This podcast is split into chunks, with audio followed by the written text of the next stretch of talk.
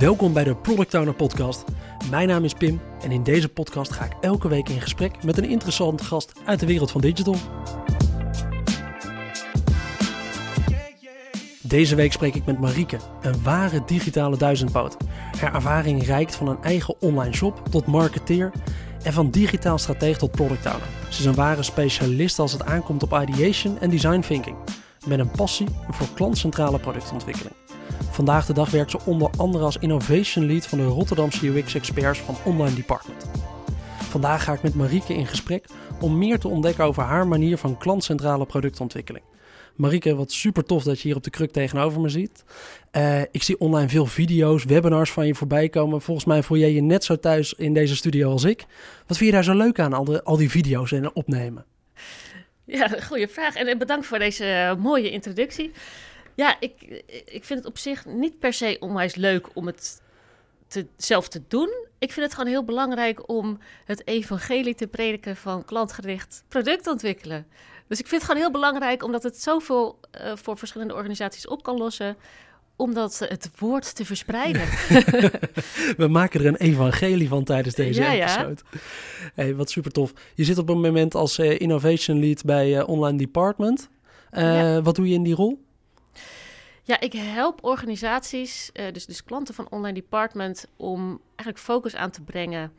En dat is vaak in het begin, voordat een product uh, ontwikkeld gaat worden, om in kaart te brengen van wat zijn nou de doelstellingen van een organisatie, wat zijn nou de klanten of gebruikers voor wie ze iets willen maken en wat zijn hun behoeften dan ook. En hoe kan je dat nou combineren tot uh, de juiste productkeuzes? En soms is het ook al een product in ontwikkeling, dus dan gaat het meer om wat voor nieuwe features kunnen daarop ja, uitgebreid worden. Gaaf. En uh, ik, ja, ik heb me eventjes in je online verdiept. Uh, jouw loopbaan is nogal divers in digital. Wat heb je allemaal gedaan? Ja, uh, veel gedaan inderdaad. Het, het, begon, het digital gedeelte begon uh, al in mijn carrière bij KPN. Daar heb ik tien jaar lang gezeten en uiteindelijk na nou, dingen rondom marketing en strategie gedaan. Uiteindelijk ben ik bij de online afdeling terechtgekomen om KPN-klanten zo goed mogelijk online ook te helpen met verschillende tools en, uh, en, en, hulpmiddelen, eh, FAQ's, chats, van alles en nog wat. Um, en dat vond ik zo leuk om hè, eh, die digitale producten, er zijn heel veel ontwikkelingen in mogelijk. En elke keer weer die vernieuwing opzoeken. Uh, je kan het heel goed meten en optimaliseren. Dus daar wilde ik meer van. Uh, dus daarna heb ik een overstap gemaakt naar uh, digitale bureaus. Om dat voor meer organisaties en verschillende type klanten, verschillende type producten toe te kunnen passen. En dat nou ja, inmiddels is ook al een aantal jaar weer. Ja, tof. Ik zag ook dat je digitaal strateeg bent geweest. Waar ik dan wel heel benieuwd naar ben, naar de adviezen die je in die jaren hebt gegeven. Hoe ver is dat nou uitgekomen? Oeh, goede vraag. Nou, wat het eigenlijk help ik organisaties om zelf de inzichten te krijgen om verder te komen. Dus het is, um, ja, ik stuur ze daarin ook wel in een, in een richting, maar het komt uiteindelijk vanuit een organisatie zelf. Weet je, die, die kent de klant het best, die, uh, die weet als het goed is zelf het beste wat ze willen bereiken. Uh, ik help ze puur die focus aan te brengen van uh, nou, welke kant is die innovatie nou goed mogelijk. Uh, maar ik geef ook wel inspiratie mee tijdens sessies. Om te kijken van hey, wat is er al in de markt? Waar kan je nou best practices van meepakken om zelf ook uh, ja, Heb je daar een beetje een hobby van gemaakt om, uh, om dat ook te ontdekken? Wat nu een beetje de nieuwe trends zijn elke keer? Ja, het gaat een beetje automatisch dat ik dat ook meekrijg, omdat ik dat natuurlijk volg op uh, LinkedIn, vanuit boeken, uh, vanuit andere nou, podcasts of, of dat soort dingen. Ja, dus als je eenmaal in dat wereldje zit, dan gaat het eigenlijk ook automatisch. Dan is het uh, part of the job. Dan krijg je dat wel mee. Hey, en wat is er nou in dat digital sinds jij bent begonnen? Wat is de grootste verandering die je hebt meegemaakt, die je nu in, in alles ziet? Naast thuiswerken misschien wel? Ja, eigenlijk is uh, überhaupt het user-centric werken wel een hele verandering. Want er is, nou, een tijd geleden is al het uh, rondom Scrum werken, dat wordt al heel veel gedaan, agile werken. Uh, vanuit de opzet van het Agile Manifesto is dat steeds meer toegepast. Dat was al een, een begin van steeds meer klantgericht werken. Uh, nou, met, met Lean UX methodieken bijvoorbeeld is dat nog uh, verder uitgebreid met ehm, design thinking. Dus dat ik, ik, merk dat steeds meer organisaties ook nou ja, dat, dat het kwartje daar valt van oh ja, die gebruiker of die klant is echt super belangrijk.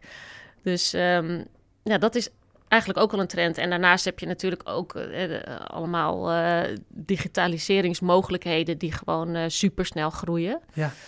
Maar qua manier van werken is dat, dat klantgericht werken wel echt. heeft nog dit, dit, het bestaat al heel lang. Ja. Maar het is nog steeds wel een trend waar heel veel organisaties nu pas van denken: oh ja, daar moeten we iets mee. Ja, wat tof. Hoe ben jij daarin beland? Hoe, uh, hoe ben je in dat wereldje van het design thinking en het uh, klantcentraal ontwikkelen beland? Wanneer kwam je daarmee in aanraking? Wanneer zei je, nou, dit vind ik echt iets leuks voor mij? Ja, eigenlijk al bij KPN. Ik, ik um, ging toen ook werken, ook met een ander bureau samen, uh, vanuit de Lean Startup methodiek. Ja. En daar gingen we dus ook met een teampje, een, een, multidisciplinair teampje, gingen we steeds veranderingen doorvoeren. Heel snel meten, wat voor effect heeft dat nou? Um, en vanuit mijn marketingachtergrond was ik ook altijd al wel gewend om klanten te interviewen, hè, focusgroepen bijvoorbeeld. Dus dat is er ja, ook wel een beetje inge, ingesleten. En uiteindelijk heb ik dat soort dingen ook gecombineerd in de methodieken die ik nu ook nog steeds gebruik. Ja, tof. Want wat is het product waar je nu aan werkt? Wat zijn de, hoe, hoe ziet jouw werk er nu uit? Want jij zit eigenlijk heel vaak op nieuwe projecten, inderdaad, wat je net al zegt. En nieuwe producten. Soms ja. bestaande producten, soms nieuwe producten waar je aan moet ontwikkelen. Hoe ziet dat er nu uit? Ja, dat is dus heel divers. Want je bedoelt hoe de producten eruit zien of wat ja, voor soort werk? Aan wat voor producten werk je nu? Um, ik werk nu aan een uh, platform uh, voor een bepaalde ziekte. Ik weet eigenlijk niet hoeveel ik daarover mag zeggen. er moet allemaal informatie over bij elkaar komen. Um, verder uh, ja, heb ik ook recentelijk uh, een, een design sprint gedaan voor, vanuit Tommy Hilfiger voor een, eigenlijk een start-up in, in Zuid-Afrika die met conscious fashion bezig is. Dus die um, zijn vanuit gebruikte jeans zijn ze nieuwe producten aan het creëren Gaaf. voor uh, kinderen met een handicap in uh, Zuid-Afrika. Totaal ander product, is helemaal niet digitaal. Ja. maar dat kan het dus ook zijn. Het is echt heel verschillend. En dat maakt het ook zo leuk, vind dat ik. maakt het leuk. En hetgeen wat ze overeen hebben, of wat er in overeenkomt tussen al die producten, is dat ze allemaal hebben bedacht: oké, okay, wij gaan dit niet vanuit de businesskant, we gaan dit doen, maar we gaan consumenten vragen: wat wil je nu eigenlijk? Ja. Ja, want eigenlijk is een product altijd iets wat een probleem moet oplossen voor een gebruiker of een klant. Of het moet inspelen op een kans. Ja. Dus het onderzoeken van wat is nou die grootste kans of wat is het grootste probleem wat je kunt oplossen. Dat is eigenlijk altijd een startpunt van een product. En wat dat product ook is, of wat die dienst ook is, dat maakt dan eigenlijk niet uit. Gaaf, gaaf. Hey, wat is er nou moeilijk aan klantcentraal product ontwikkelen? Wat, wat zijn nou de drempels daarin om dat toe te passen? Wat het, wat het moeilijk maakt, um, is dat het, het is moeilijk aan te tonen wat levert het nou op. Als je in, in een vroege fase bijvoorbeeld klantenonderzoek al gaat doen, in hoeverre verdien je dat terug? En uh, daarom vinden organisaties het soms lastig om daar ook een, uh, een business case voor te maken of genoeg uh, resources voor vrij te maken. En het, eigenlijk, je, je voorkomt ermee dat je veel meer kosten gaat maken, omdat je gaat investeren in de verkeerde dingen.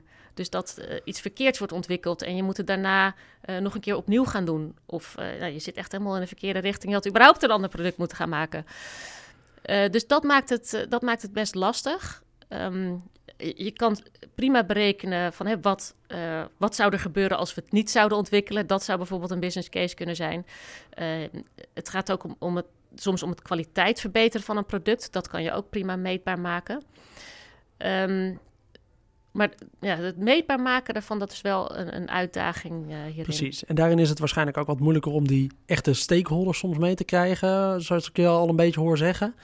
Ja. Hoe ziet dat er nou uit? Hoe krijg je nou wel stakeholders mee in de gedachte... oké, okay, we moeten nu vooraf investeren in klantonderzoek... Om, eh, omdat we anders misschien wel de hele andere richting op gaan? Ja, ja het, het, het um, user-centric werken... dat draagt eigenlijk bij aan alle afdelingen binnen een organisatie. Dus wat altijd helpt is om ook... Uh, als je in gesprek gaat met stakeholders vanuit je organisatie, om te kijken wat zijn nou hun doelstellingen. Als je met een marketingafdeling te maken hebt, dan zal die waarschijnlijk die, willen uh, acquisitie, meer klanten, meer omzet. Uh, vanuit sales ook. Um, vanuit een, een, business development of vanuit ontwikkelteams, Die willen gewoon zo snel mogelijk dingen opleveren, snel kunnen werken. Nou, een klantenservice wil klanttevredenheid, snel klanten kunnen helpen. En die gebruikersinzichten of klantinzichten helpen eigenlijk al die afdelingen om hun doelstellingen te halen. Dus uh, als je dat beseft en ook meetbaar maakt van oké, wat, uh, wat voor inzichten krijg ik? Hoe kan ik dat nou uh, over de bühne brengen richting die verschillende afdelingen? En begin dan ook klein. Ga gewoon eerst een klein experimentje doen waarmee je al kan laten zien aan die afdelingen: hey, kijk eens wat dit oplevert. Kijk eens wat je hier aan hebt. Een klein experiment zou kunnen zijn? Um, ja, dat kan, dat kan inderdaad een klein um, een, een, schets zijn die je al voorlegt aan een klant of gebruiker. Of um, dat je op een, uh, als het om een digitaal product gaat, dat je iets kleins aanpast en, en verschillende dingen naast elkaar legt. En kijkt wat werkt nou het beste. Dus het kan met, met heel weinig middelen kan je eigenlijk al aantonen uh, wat voor effect iets kan hebben. Dus als je op die manier gaat kijken, dan krijg je eerder die stakeholders mee. En deel ook vooral al die inzichten met ze, want zij hebben daar ook wat aan om te weten wat die klant nou belangrijk vindt. Ja, gaaf. en hoe ziet jouw proces er nu uit? Er uh, komt een nieuwe aanvraag binnen om, uh, om aan boord te stappen. En nou, dan krijg je het proces. De, je hebt eerst een klantvraag en uiteindelijk moet je ergens naartoe naar, naar de gebruikers vinden dit. En ik denk dat we op basis van gebruikersinformatie deze en deze stappen misschien wel zouden moeten nemen. Hoe ziet ja. het proces er voor jou uit? Ik begin altijd met kijken wat zijn de, de, de, stakeholders binnen een organisatie met wie ik dan te maken heb. Die ga ik ook interviewen en kijken wat vinden zij nou belangrijk en wat verwachten zij er nou uit te halen. En ook, dan vraag ik ook wel een beetje door naar wat voor concerns of risico's ze er zelf bij zien. En um, ook wat voor, wat voor klantinzichten zij al hebben. En wat, wat zij denken dat goede ideeën bijvoorbeeld zijn. Dus dat ga ik eerst ophalen. Vervolgens um, ga ik een, een team samenstellen. Uh, wat het, ik werk het liefst echt samen dus met verschillende mensen uit een organisatie. Iemand die de klant heel goed kent. Dat kan iemand van customer service zijn, iemand van marketing. Uh, bijvoorbeeld een developer, een designer, een user experience expert. Nou, en de product owner. En de product owner. En Scrum Master als die er is. Die is hij niet altijd. Um, ja, vaak is de product owner een, een, hele belangrijke beslisser ook in het proces. Want die mag uiteindelijk uh, beslissen wat er met het product gaat gebeuren. Wel natuurlijk in overleg met de anderen. dus dan, dan, ga ik een team ook vormen. En dan gaan we samen eigenlijk kijken... Oké, wat, wat speelt er nou bij de klant bij, bij de gebruiker? En wat voor doel willen wij nou bereiken? Dus dat eerst uitwerken en vervolgens kijken... hoe kunnen we nou in een eerste kleine stap toetsen of dat ook daadwerkelijk waarde heeft voor die klant. Gaaf. En uh, je moet dat team op een gegeven moment meenemen. Dus je hebt dat team verzameld. Hoe krijg je die nou mee in dit proces? En uh, hebben we daar stappen voor om te zorgen dat ze in eerste instantie uh, hier wat beter in worden? Nou, ik, ik begin vaak wel met het invullen ook van een, een teamcanvas bijvoorbeeld. Dus dat ze zelf ook aan kunnen geven, hun kennis daarin kwijt kunnen van wat zijn uh, hun doelstellingen, wat zijn de gebruikersdoelstellingen, maar ook wat vinden ze zelf belangrijk in het project om eruit te halen. Uh, waar worden zij nou warm voor, maar waar zijn ze ook goed in?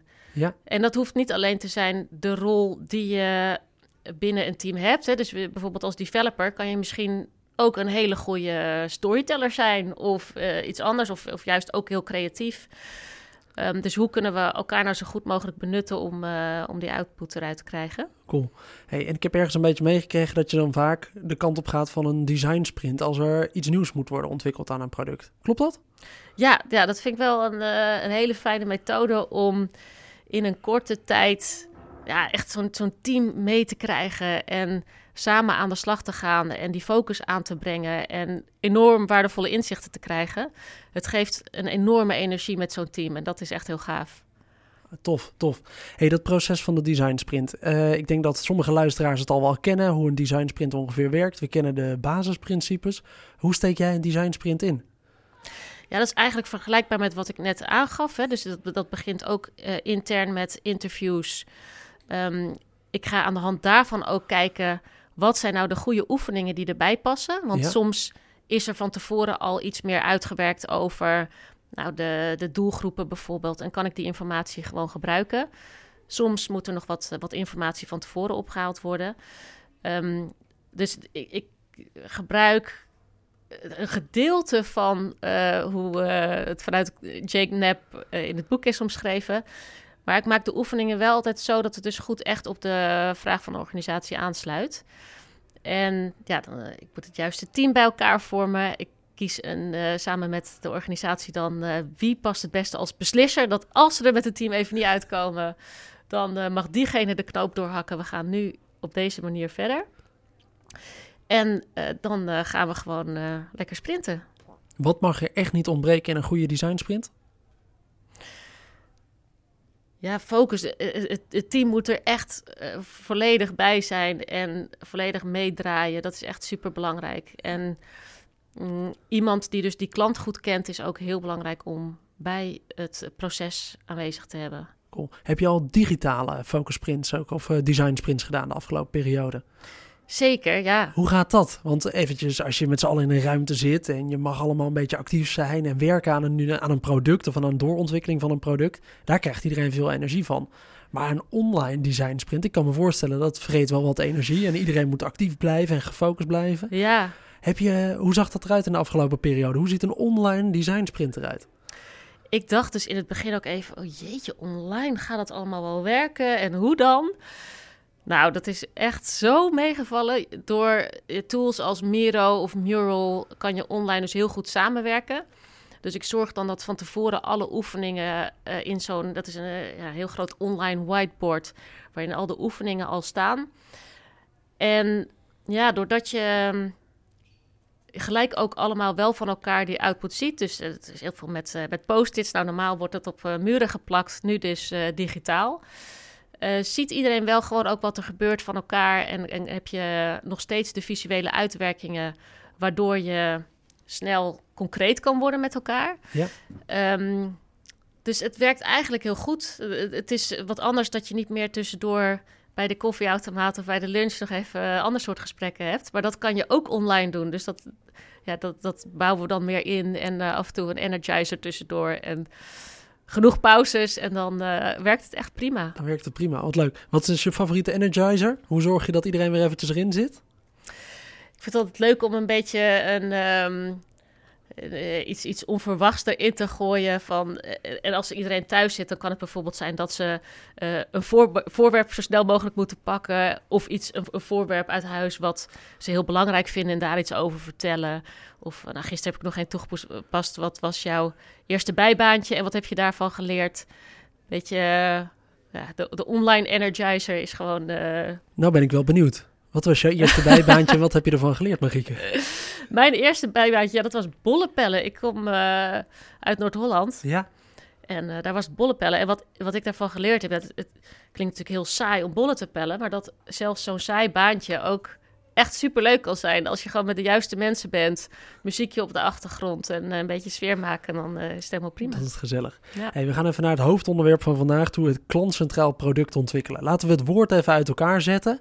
Uh, we hebben klant centraal, dus nou, je klant staat in het midden, daar ontwikkel je je product voor. En dat is dan de productontwikkeling. Uh, kun je me even meenemen in de wereld van klantcentraal product ontwikkelen? Wat is, een, wat, wat is een misvatting die er nog steeds daarin is? En wat is nou iets wat uh, ook ik als PO goed kan toepassen in mijn werk?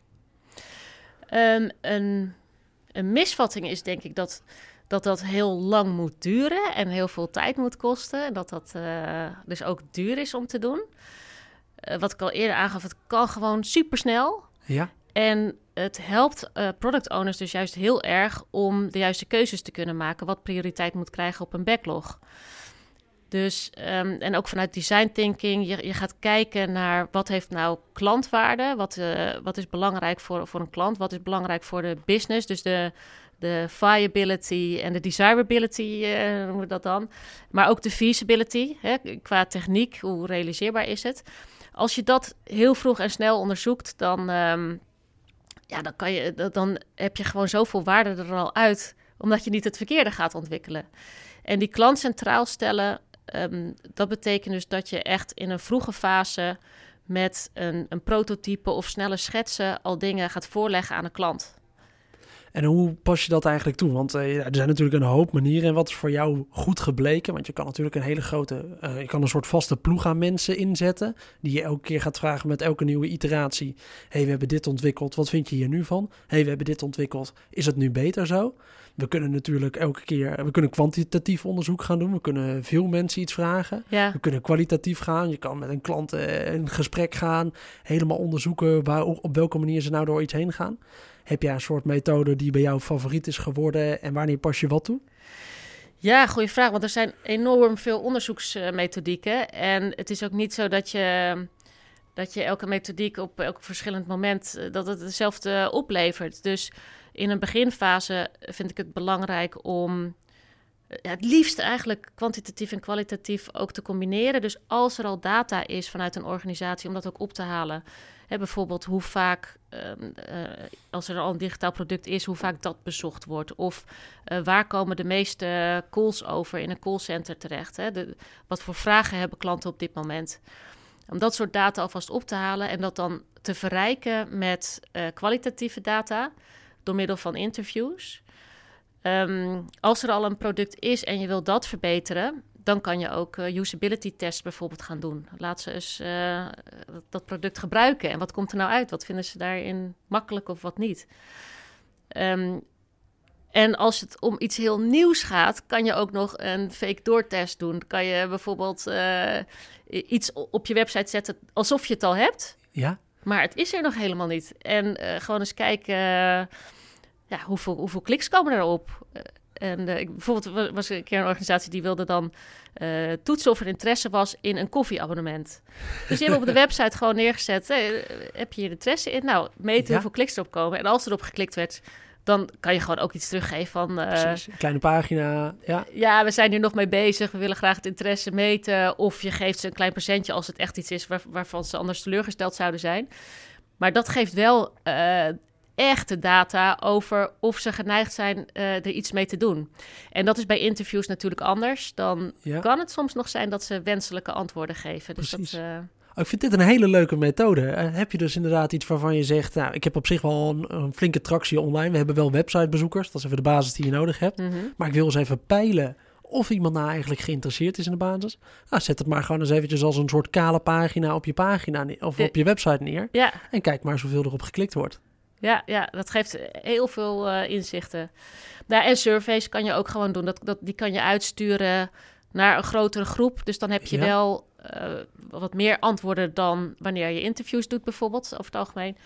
Dus daar kan je ook veel uithalen. Dan heb je alleen vaak wat minder inzicht over de waarom iets zo is. Dat haal je dus weer meer uit interviews. Dus het is vaak, ja, ook uh, leren wat past nou het best bij welke vraag die je hebt. Ja, en als je nou zo'n survey uitzet, doe je dat dan via een, zo'n onderzoeksbureau? Of ga je als bedrijf zelf een uh, ploeg mensen selecteren? Um, ja, dat, dat verschilt een beetje. Soms heeft een uh, organisatie zelf al focusgroepen of klanten die we daarvoor kunnen benaderen. soms via een bureau inderdaad, die, die die klanten dan heeft. Ja, dat Dat loopt verschilt. nog wel uiteen. Ja. Hey, superleuk. Um, volgens mij kunnen we nog eventjes wat verder ingaan op een heel leuk onderwerp, wat de design thinking is. En het ideation, waar je ook veel mee bezig bent. Daar zijn denk ik ook hele leuke lessen uitgekomen naast de klantontwikkeling. Dus we denken vanuit het idee en creatieve processen ingaan om op die manier nieuwe dingen te bedenken. Kun je ons even meenemen in die wereld? Ja, ja. Uh, design thinking, er wordt ook in aangegeven van het is heel belangrijk ook om heel snel al dingen visueel te maken. Want daarmee wordt het heel concreet en weet iedereen gelijk waar het over gaat. En daardoor krijg je de juiste discussies op gang. En uh, het, soms vinden dat mensen dat ook spannend, want dan lijkt het al of dat het dan ook gaat worden of zo. Ja. Dus het is echt een andere manier van denken. Om uh, niet te bang te zijn om al snel iets ook gewoon te schetsen en uit te werken. En niet te bang zijn om te experimenteren en gewoon al snel iets voor te gaan leggen. Leuk, leuk. Um, verder, wat gebeurt er in dat uh, ideation proces? Want dan ga je tekenen met een klant naar een nieuw idee toe. Wanneer, waar leg je de grens tussen? Wanneer ga je wel al testen en wanneer wacht je nog eventjes? Omdat je zegt, ja, het is nu toch nog even één stapje te weinig. Wat is het minimale waarmee je gaat testen bij een klant? Is dat een tekening op een papier? Is dat een, tekening in Figma uitgezet of in een andere UX-tool? Ja, het, het, kan, het kan gewoon een tekening zijn. Het kan iets heel, heel simpels zijn. Ehm, maar het is natuurlijk wel zo, het liefst gaat het wel, lijkt het al wel op het product wat het uiteindelijk zou moeten gaan worden. Ja. En vaak als je dan dus bij digitale prototypes kijkt, dan is het een klikbaar prototype. En dan zijn het gewoon plaatjes die achter elkaar geplakt zijn. Je kan wel op dingen klikken, dus het lijkt of het allemaal al werkt en of het een bestaande site of applicatie is. En dat is dan dus niet het geval. Ehm, ja, dat, dat werkt heel goed, want daar, daar krijg je wel ook waardevolle inzichten uit. En dan uh, lijkt het op het echte product. Jij zit nu helemaal in de wereld van UX, toch? Met, ja. uh, met online department. Jullie richten, zich, uh, jullie richten je echt enkel op de UX-fase van een concept, kan ik me dan voorstellen. Hoe, hoe verhoudt dat zich? Want er is maar een bepaalde fase. Op een gegeven moment moet je het overdragen naar UI-onderdelen en dan moet het gebouwd worden. Hoe is jullie rol in zo'n proces? Ja, eigenlijk uh, is UX gaat over het hele proces. Ja. Dus uh, maar goed dat je het vraagt, want vaak wordt UX gezien als um, een bepaald onderdeel. En UX is ook de, de research aan het begin. Dus we hebben dus ook heel veel UX-researchers. Um, het gaat ook om de UI uitwerken. En soms zelfs ook de front-end van een applicatie uitwerken. Dus het gaat om ja, die user experience. En die moet over het hele product heen gaan. Dat is wel leuk dat we eventjes deze discussie inderdaad hebben. Want in eerste instantie denk je bij de UX is de UX'er uit, uh, uit je team. Ja, dat is degene die uiteindelijk de basis eventjes gaat tekenen. En die gaat zorgen dat de knoppen op de bepaalde plekken staan. Zodat dat logisch is voor een gebruiker. Ja. Maar als je het woord uiteenzet, dan is het niet UX, maar dan is het user experience. User experience. En om te weten wat handig is voor de gebruiker, moet je de gebruiker goed kennen. Dus heb je onderzoek nodig. En ja, het moet ook heel nauw samenwerken met development. Dus het is ja, heel veel samenwerking eigenlijk. Um, ook in het productontwikkelproces. Je gaat samen als creatief team uitwerken hoe kunnen we nou dat product zo goed mogelijk maken. En wat zie je nou echt veranderen de laatste jaren in UX? Is het, zijn er nog steeds bijvoorbeeld bedrijven die wel eens denken dat jullie alleen even een mooi design maken? Terwijl er zoveel methoden ondertussen achter zit waarom dingen op bepaalde plekken staan? Nou, we merken dus wel dat er sowieso dus veel meer aandacht voor komt. En dat organisaties steeds meer zelf ook eh, UX-experts aan gaan nemen. Want die merken ook, hé, hey, wacht, er mist nog iets. We hebben nu bepaalde uh, software of iets digitaals ontwikkeld. En ja, het ziet er eigenlijk niet uit. Het is allemaal uh, verouderd of het werkt niet lekker. Het kost heel veel tijd om ermee te werken en gewoon niet gebruiksvriendelijk dus er wordt wel steeds meer ingezien van, oh, dat is wel belangrijk eigenlijk ook om in huis te hebben. En het moet continu een onderdeel zijn van je productontwikkeling. Hey, hoe ziet de toekomst er nou uit voor uh, klantcentrale productontwikkeling, maar ook hoe ziet de toekomst eruit van UX voor jouw gevoel? Ja, goede vraag. Eigenlijk uh, is dat het moet dus steeds ook meer gaan leven dat uh, UX, en dat, dat hoeft dus niet een, een UX-rol te zijn, maar dat die user experience, dat dat gewoon heel belangrijk is. Dat dat je ook, um, daarmee kan je onderscheidend zijn ten opzichte van concurrenten bijvoorbeeld. En ja, steeds die, die gebruiker uh, in, voor ogen houden en kijken. Wat, kijk, bij productontwikkeling gaat er worden heel veel aannames gedaan. Ja. En als je daar maar gewoon van uitgaat en je gaat het ontwikkelen, ja, dan kan je helemaal de plank mislaan. Dus, dus steeds die aannames toetsen en op die manier werken, ja, dat, uh, dat, blijft wel, uh, dat, dat, dat blijft wel groeien, denk ik. Dus dat is ook wel in de toekomst, um, maar dat is niet eens zo ver weg. Dat moet eigenlijk morgen al gebeuren. Ja, iedereen moet die mindset gewoon krijgen. En, en um, dat het ook niet, het, het is niet alleen een eh, UX-expert die daarin werkt, maar daar heb je, hebben we ook een product owner. Die gaat, moet ook op die manier gaan denken eigenlijk. Uh, de leiders van de teams, dus de IT-managers, uh, de Scrum Masters, de developers. Iedereen zou het eigenlijk belangrijk moeten vinden om te weten voor wie doe je nou wat, voor wie los je wat op. Dus voor alle product owners die luisteren, de tip van Marieke, ga er nou eens even aan denken. Denk echt aan je klant. Ga eens even met ze in gesprek. Ja. Ga naar de basis toe van klantcentrale productontwikkeling. En vergeet niet om af en toe eens inderdaad een gebruiker te spreken van je product. Ja, als, als jij nu als product owner inderdaad zit luisteren en denkt... ik, heb nu, ik zit nu aan een product te werken, maar ik heb eigenlijk geen idee wat mijn gebruiker of klant ervan vindt. Ja, dan uh, zou ik toch eens uh, achter de oren krabben en denken... Hmm, misschien uh, moet ik eens get out of the building en zoek ze eens op. Superleuk. Hey Marieke, super tof om je hier als gast te hebben gehad in de Product Owner podcast. Als mensen nog vragen hebben naar aanleiding van deze show, ehm, kunnen ze je dan bereiken via de e-mail of per LinkedIn? Zeker, ja. Marieke Mors, M-O-R-S-H, staat er vast bij. Ja. Um, Kunnen ze je even een bericht sturen? Zeker. Super tof. Hey, ik vergeet trouwens één vraag te stellen die ik aan alle gasten hier in deze podcast eigenlijk wel heb gesteld. Wat heb je nu, wat weet je nu waarvan je had gewild dat je het had geweten toen je begon aan je loopbaan? Ja, goede vraag. En ik denk dat dat zit in ik dacht in het begin heel erg van het is, het is belangrijk om binnen mijn werk de juiste antwoorden te hebben op alles. Ja. Dus uh, niet te veel vragen te stellen, maar gewoon, uh, ja, ik, ik, ik moet die kennis opdoen hè, en ik moet de antwoorden kunnen geven. En wat ik nu weet, is dat het veel meer gaat om de juiste vragen weten te stellen. En uh, dat is zowel in een, in een leidinggevende positie als werken met teams, gewoon die nieuwsgierigheid. En ja, steeds kijken we, en ook niet te bang te zijn om dan uh, nou ja, een, een, domme vraag te stellen of om eens iets snel uit te gaan proberen.